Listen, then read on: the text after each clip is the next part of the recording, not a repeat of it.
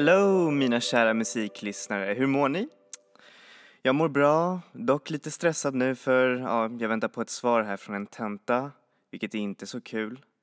Men eh, det kommer vara skönt att slappna av lite och snacka lite musik och enjoya lite musik med er faktiskt. Det är det som jag har sett fram emot. Och dagens program kommer vara jätte, jättespännande för vi ska snacka om musik från Asien nämligen. Det är inte oftast eh, man får höra artister som eh, korsar just östvärlden och kommer hit till väst. Och veckans tema eh, för playlisten är självklart Asien där jag har verkligen scoutat efter nätet efter eh, bra indieband eh, från, från asiatiska länder som Japan och Korea. Och det är faktiskt det är väldigt svårt att eh, hitta dem.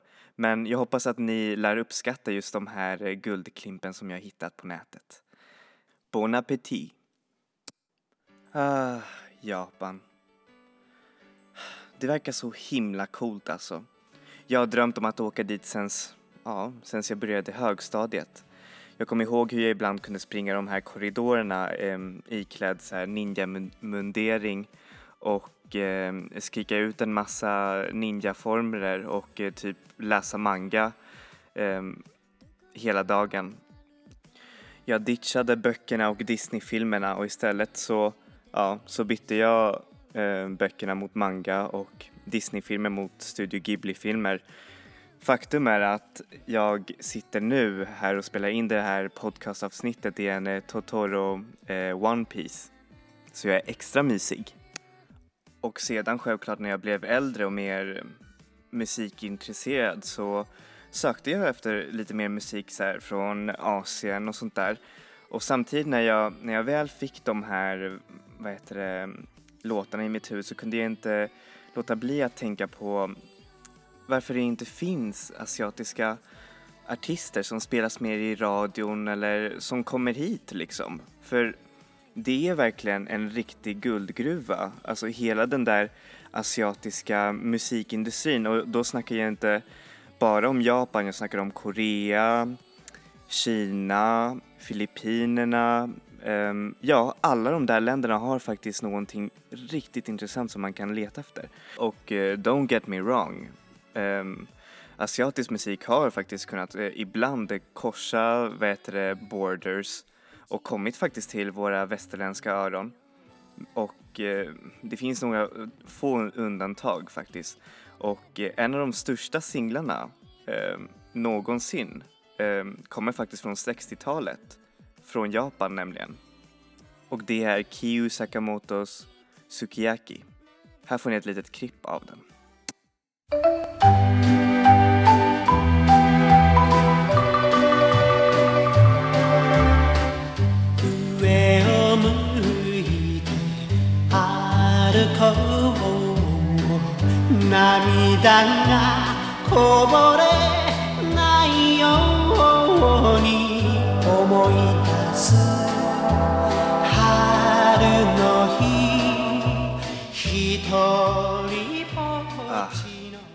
Ah, är den inte mysig? Fun fact. Eh, den här låten faktiskt är en av de enda utländska låtarna som har eh, lyckats ta sig in på Billboards Top 100-lista. Och där ser man verkligen vilken, alltså även om det är olika språk så kan det ändå vad heter det, korsa vad heter det, de här barriärerna. För visst, man behöver, man behöver inte lyssna på texten utan det är liksom själva känslan som musiken och eh, sångaren ger. Och det känner jag även när jag lyssnar på eh, alltså musik som jag förstår, till exempel engelsk, spansk eller svensk musik.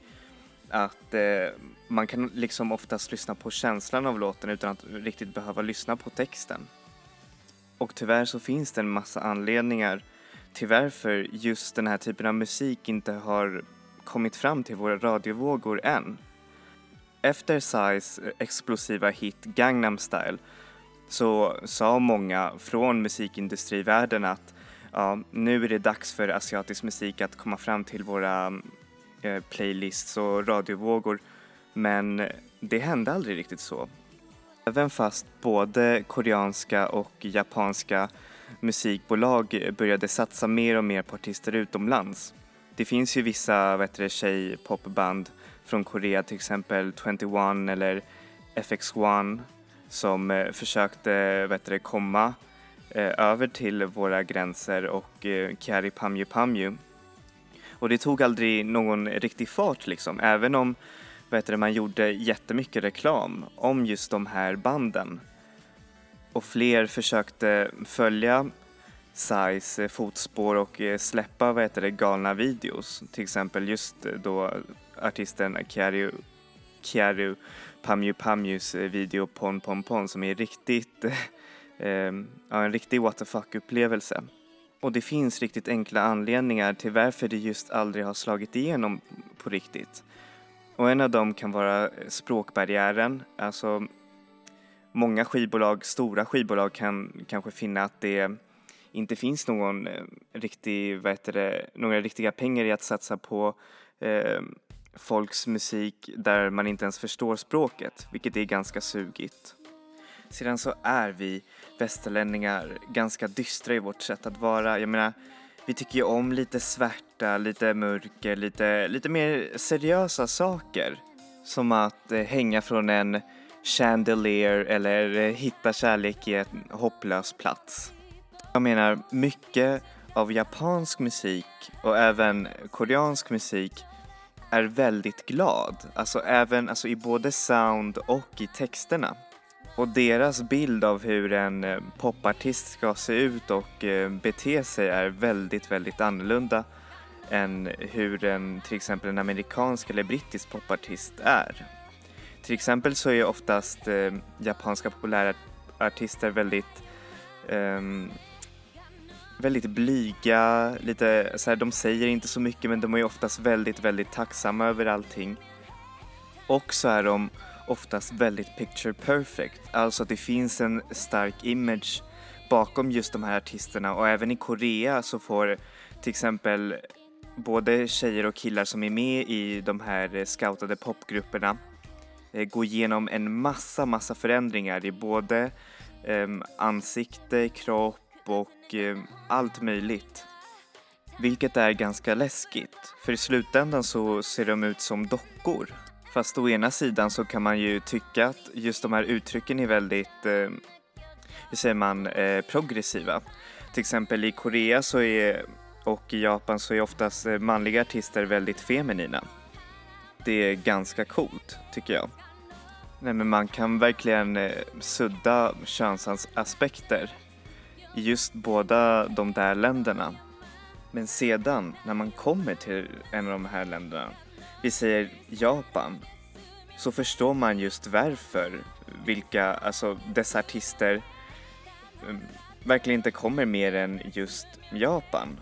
Och det är för att de behöver inte det. Jag menar, marknaden där är så otroligt stor. Ni har väl hört talas om eh, frasen Big in Japan? Och det, alltså, det är sant. För om man är stor i Japan så behöver man i, i princip inte bli stor någon annanstans. Visste ni till exempel att i Japan så är åtminstone 90 procent av all musik som säljs där från inhemska artister? Japp, you heard it right. 90 procent. Och tänk er alla de där 10 procenten som är från våra fjuttiga västerländska artister. Och det är därför, om man ska någonsin köpa en skiva så ska man köpa den japanska versionen av den skivan.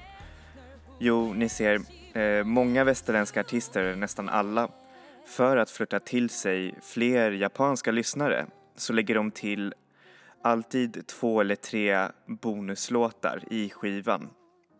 Och de bonuslåtarna är riktigt, riktigt bra. Och nu så tänker ni säkert, what? Vad snackar han om? Skivor? Japp. You heard it right. CD-skivor. I Japan och Korea så säljer man mest musik genom skivformatet. Vilket är helt otroligt. Skivan är fortfarande levande där borta. Mer än levande. Och det är för att man har en annan syn på saker och ting där. Till exempel i Japan så finns det en helt annan respekt till formatet. Jag menar, Eh, jag läste i en artikel att de tycker verkligen om att ha just det här fysiska i sina händer och att man verkligen kan spara det och eh, liksom eh, sedan öppna det och lyssna på det. Och det är verkligen sant. Jag menar, om man köper den japanska CD-versionen av vilken artist som helst så är de väldigt, väldigt lyxiga. Och det finns oftast tre eller fyra versioner av just sam samma album som man kan köpa. Man säljer också jättemycket skivor via den här singelformatet. Japp, singelformatet. Kommer ni ihåg i, eller i alla fall ni som är födda eh, 95 uppåt och sen tidigare, eller ja i och för sig senare, så kommer ni ihåg att artister brukade ibland bara släppa så här eh, singlar via skivor. Och det har ju helt dött liksom nu här i våra länder. Men eh, där så är det fortfarande levande. Nu så tänker ni säkert, men gud, orka bry sig. Varför ska man bry sig om dem om de inte ens bryr sig om att komma hit? Och då säger jag nej till sådana där tankar för det är kul att bredda sin, eh, sina horisonter musikmässigt. Och Japan och Korea och även de här andra länderna har en otroligt stor musikskatt som är liksom bara redo att bli utforskad. Fast det sugiga också är att, ehm, ja, musik, just sån här musik och eh, om man söker efter specifik musik så kan det vara svårt att hitta. Speciellt i Spotify där det fortfarande inte finns eh, låtar från stora artister från de här länderna vilket jag, jag tycker är ganska konstigt. Fast ofta så hittar man dem lättast på Youtube. För, ja, som jag sa, många av de här musikvideorna från just de här länderna är otroligt påkostade och väldigt, väldigt roliga att se. Så det är där man främst hittar dem, tror jag. Men nu känns det som att jag snackar bara om de här stora mainstreamartisterna. Men faktum är, är att i båda de här länderna så finns en otroligt rik indiescen med eh, musik från alla håll i världen och alla möjliga stilar och alla möjliga sounds som är otroligt, otroligt coolt. Fast det är ännu svårare att hitta. Fast den största paradoxen av dem alla är att det är just dessa små artister som leta sig efter publik utomlands. Jag menar, det finns en hel del japanska indieartister som har verkligen eh, torat runt världen och liksom har en stor lyssnarskara. Ja, just det, en liten fotnot också. Det finns jättemånga västerländska artister också just nu, både indie och eh, stora mainstream som har verkligen eh, tagit åt sig, de här olika estetiken just från eh, K-pop, alltså koreansk pop och japansk pop. Och då är det bäst om man lånar just soundet. För om man lånar imagen så kan det hända att det blir lite, ja, det är en svår gräns det där. Ehm, då kan det bli lite så här kulturell appropriation. Och det finns många verkligen klumpiga fall av just det där när det har gått fel och det var typ, eh, får se, Avril Lavigne när hon eh, släppte en, en ny video, vad var det, förra året eller när Katy Perry gjorde ett uppträdande i Grammys och hon hade på sig en massa eh, japanska klädslar. Så, det var lite om asiatisk musik. Jag hoppas att ni fick en liten inblick eller en liten hum om hur just hela den här eh, musikindustrin fungerar. Nu kommer vi fram till playlistdelen som är min absolut favoritdel av eh, den här podcasten för då får jag dela med mig med lite musiktips till er. Känns lite som julafton där man delar ut paket till er. och den här veckans tema är Asien och närmare sagt Japan och Korea. Och jag har, har verkligen hittat riktigt bra låtar från just indieartister från eh, bägge de här länderna. Track nummer ett är faktiskt inte ett riktigt japanskt eh, band utan det kommer faktiskt från ett brittiskt band som heter Kero Kero Bonito. Och varför har jag med dem i den här listan tycker ni då? Jo, för att just sångerskan Sara Midori Perry är halvjapansk och hon rappar i både engelska och japanska. Samtidigt så blandar de eh, vad heter det, en massa musikgenrer som dancehall, J-pop, även ljud från videospel har de eh, tagit in i sin musik.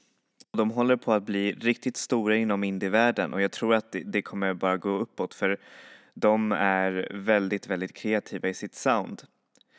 Samtidigt så är det väldigt glad musik. Men ibland, bara ibland så kan vissa av deras låtar vara lite för mycket eh, leksaksbutikkänsla. Men eh, just den här låten som jag har för er är en riktig, riktig banger. Jag älskar den. Så här får ni låten Lip Slap av bandet Kero Kero Bonito.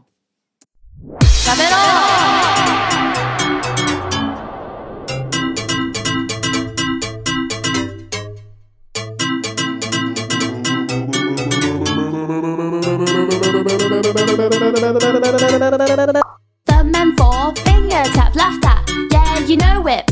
A fingertip placed on the lips, which gave a little shh. Maybe we're talk about that, not now. You see, I'm jacking. All my friends are here, there's just no time for taboo. Can't believe I have to rap on tracks, so you get it. Wanna talk about so much stuff, then you just give me hush. We can sort that out for now. The place is packing. Spend big cash on a new dance floor,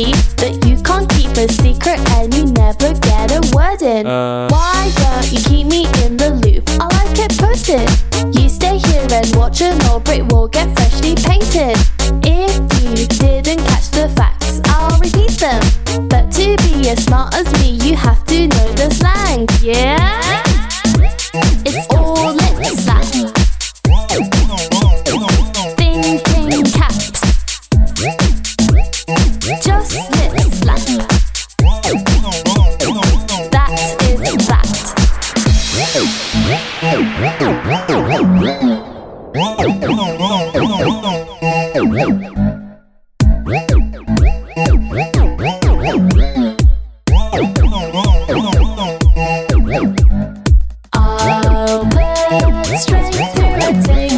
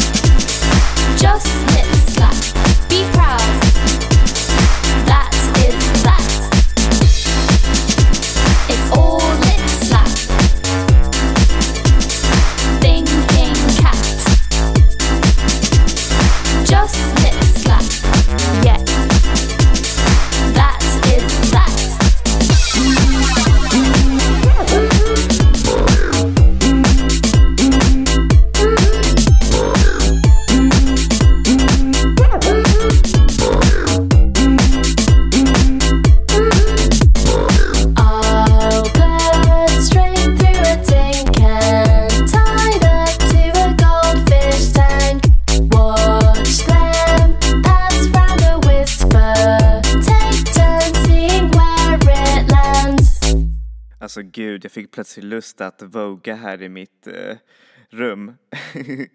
ja. Nej men jag älskar sådana där låtar som verkligen, nej men de ger en fart och man får verkligen lust att dansa.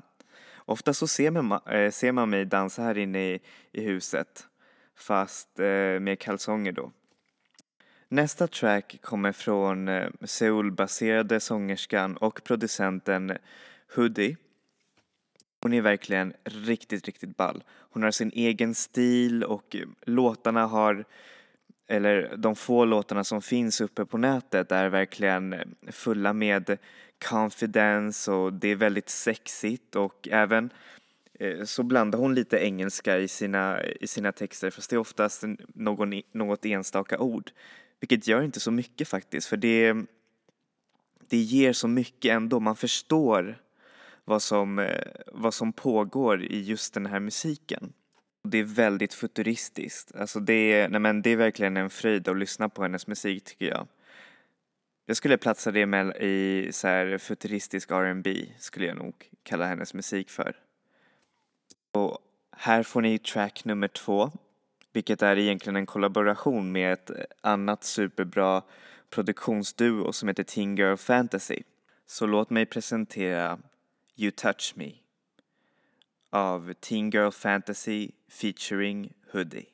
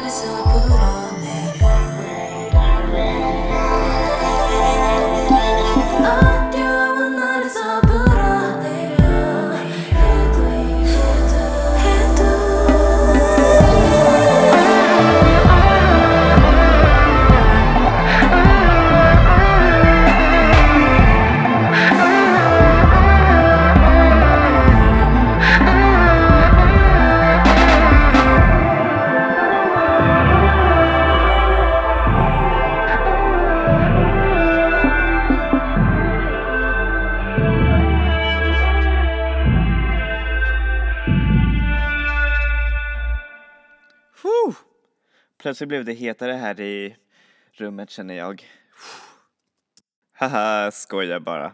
Nej men visst är det sensuellt. Nästa track är av en li lite mer etablerad koreansk artist. Nämligen Neon Bunny. Yes, ni hörde rätt. Neon Bunny. Jag skulle kunna säga att hon är lite av en anti-K-pop-artist. För att hon, hon är inte så bombastisk i sin uttryck eller, eller i klädsel. Jag menar om man kollar på en musikvideo av 21 så är det verkligen allting så här påkostat och allt det här men hon är lite mer, hur säger man, lite mer reserverad, lite, nej men verkligen eh, lite mer äkta på ett sätt, vilket är ganska nice. Och hon har vunnit för bästa eh, popalbum i Korean Music Awards, vilket säger ganska mycket. Hennes musik lutar dock mer åt R&B hållet Fast den här låten som jag kommer introducera till er är mer är riktig, en riktig elektropop-dänga som, ja, nej men jag verkligen tycker om den.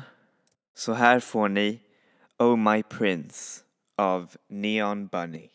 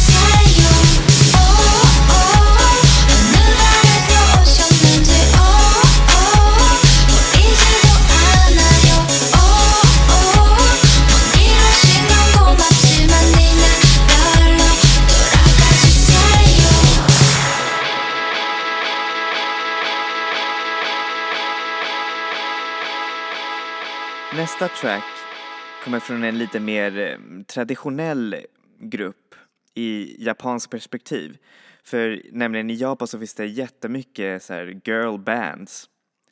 Fast det här bandet är ganska unikt skulle jag säga för de, är, de jobbar med ett slags indie-etos och de har ett sound som är liksom bara deras i Japan.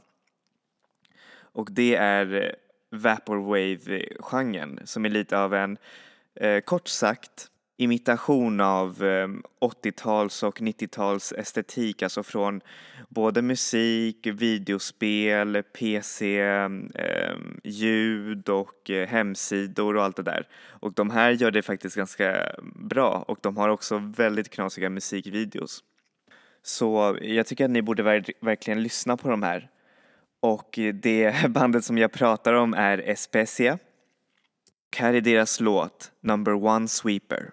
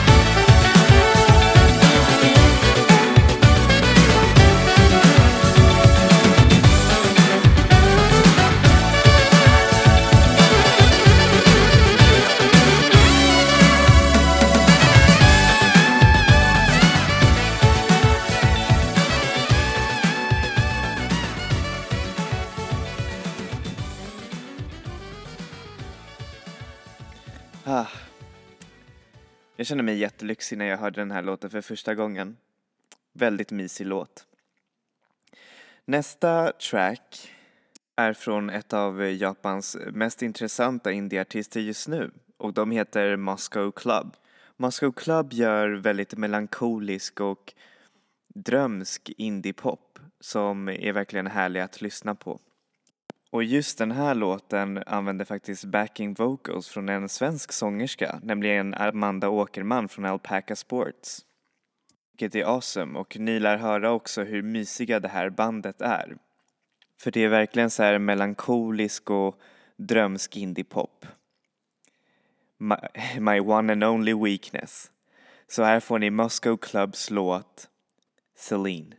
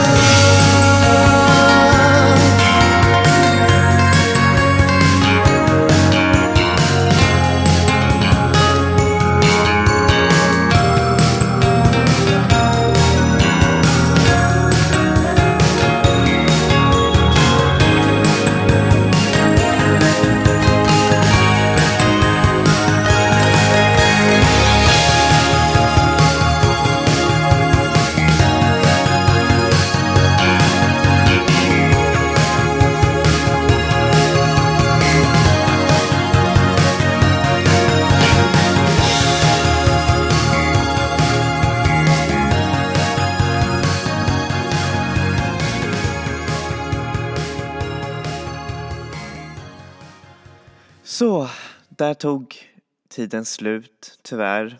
Oh, alltså jag skulle typ kunna prata i flera timmar om sånt här med er. Men jag måste hålla mig tyvärr. Men jag hoppas att eh, med det här avsnittet så lärde ni er lite om, ja, japansk och koreansk musik samt eh, the state av musikvärlden där. Och att ni självklart eh, uppskattade musiktipsen som jag gav er. Och som sagt, eh, alla de här banden har fler låtar som är väldigt värda att lyssna på. Så det är bara att söka, säger jag. Och just det, glöm inte att likea min Facebook-sida och eh, om ni tycker att det här var kul så ja, dela med länken vidare. Jag finns på iTunes också. Tack så mycket för idag och jag hoppas att ni får en trevlig vecka. Enjoy music, enjoy life people. Bye bye.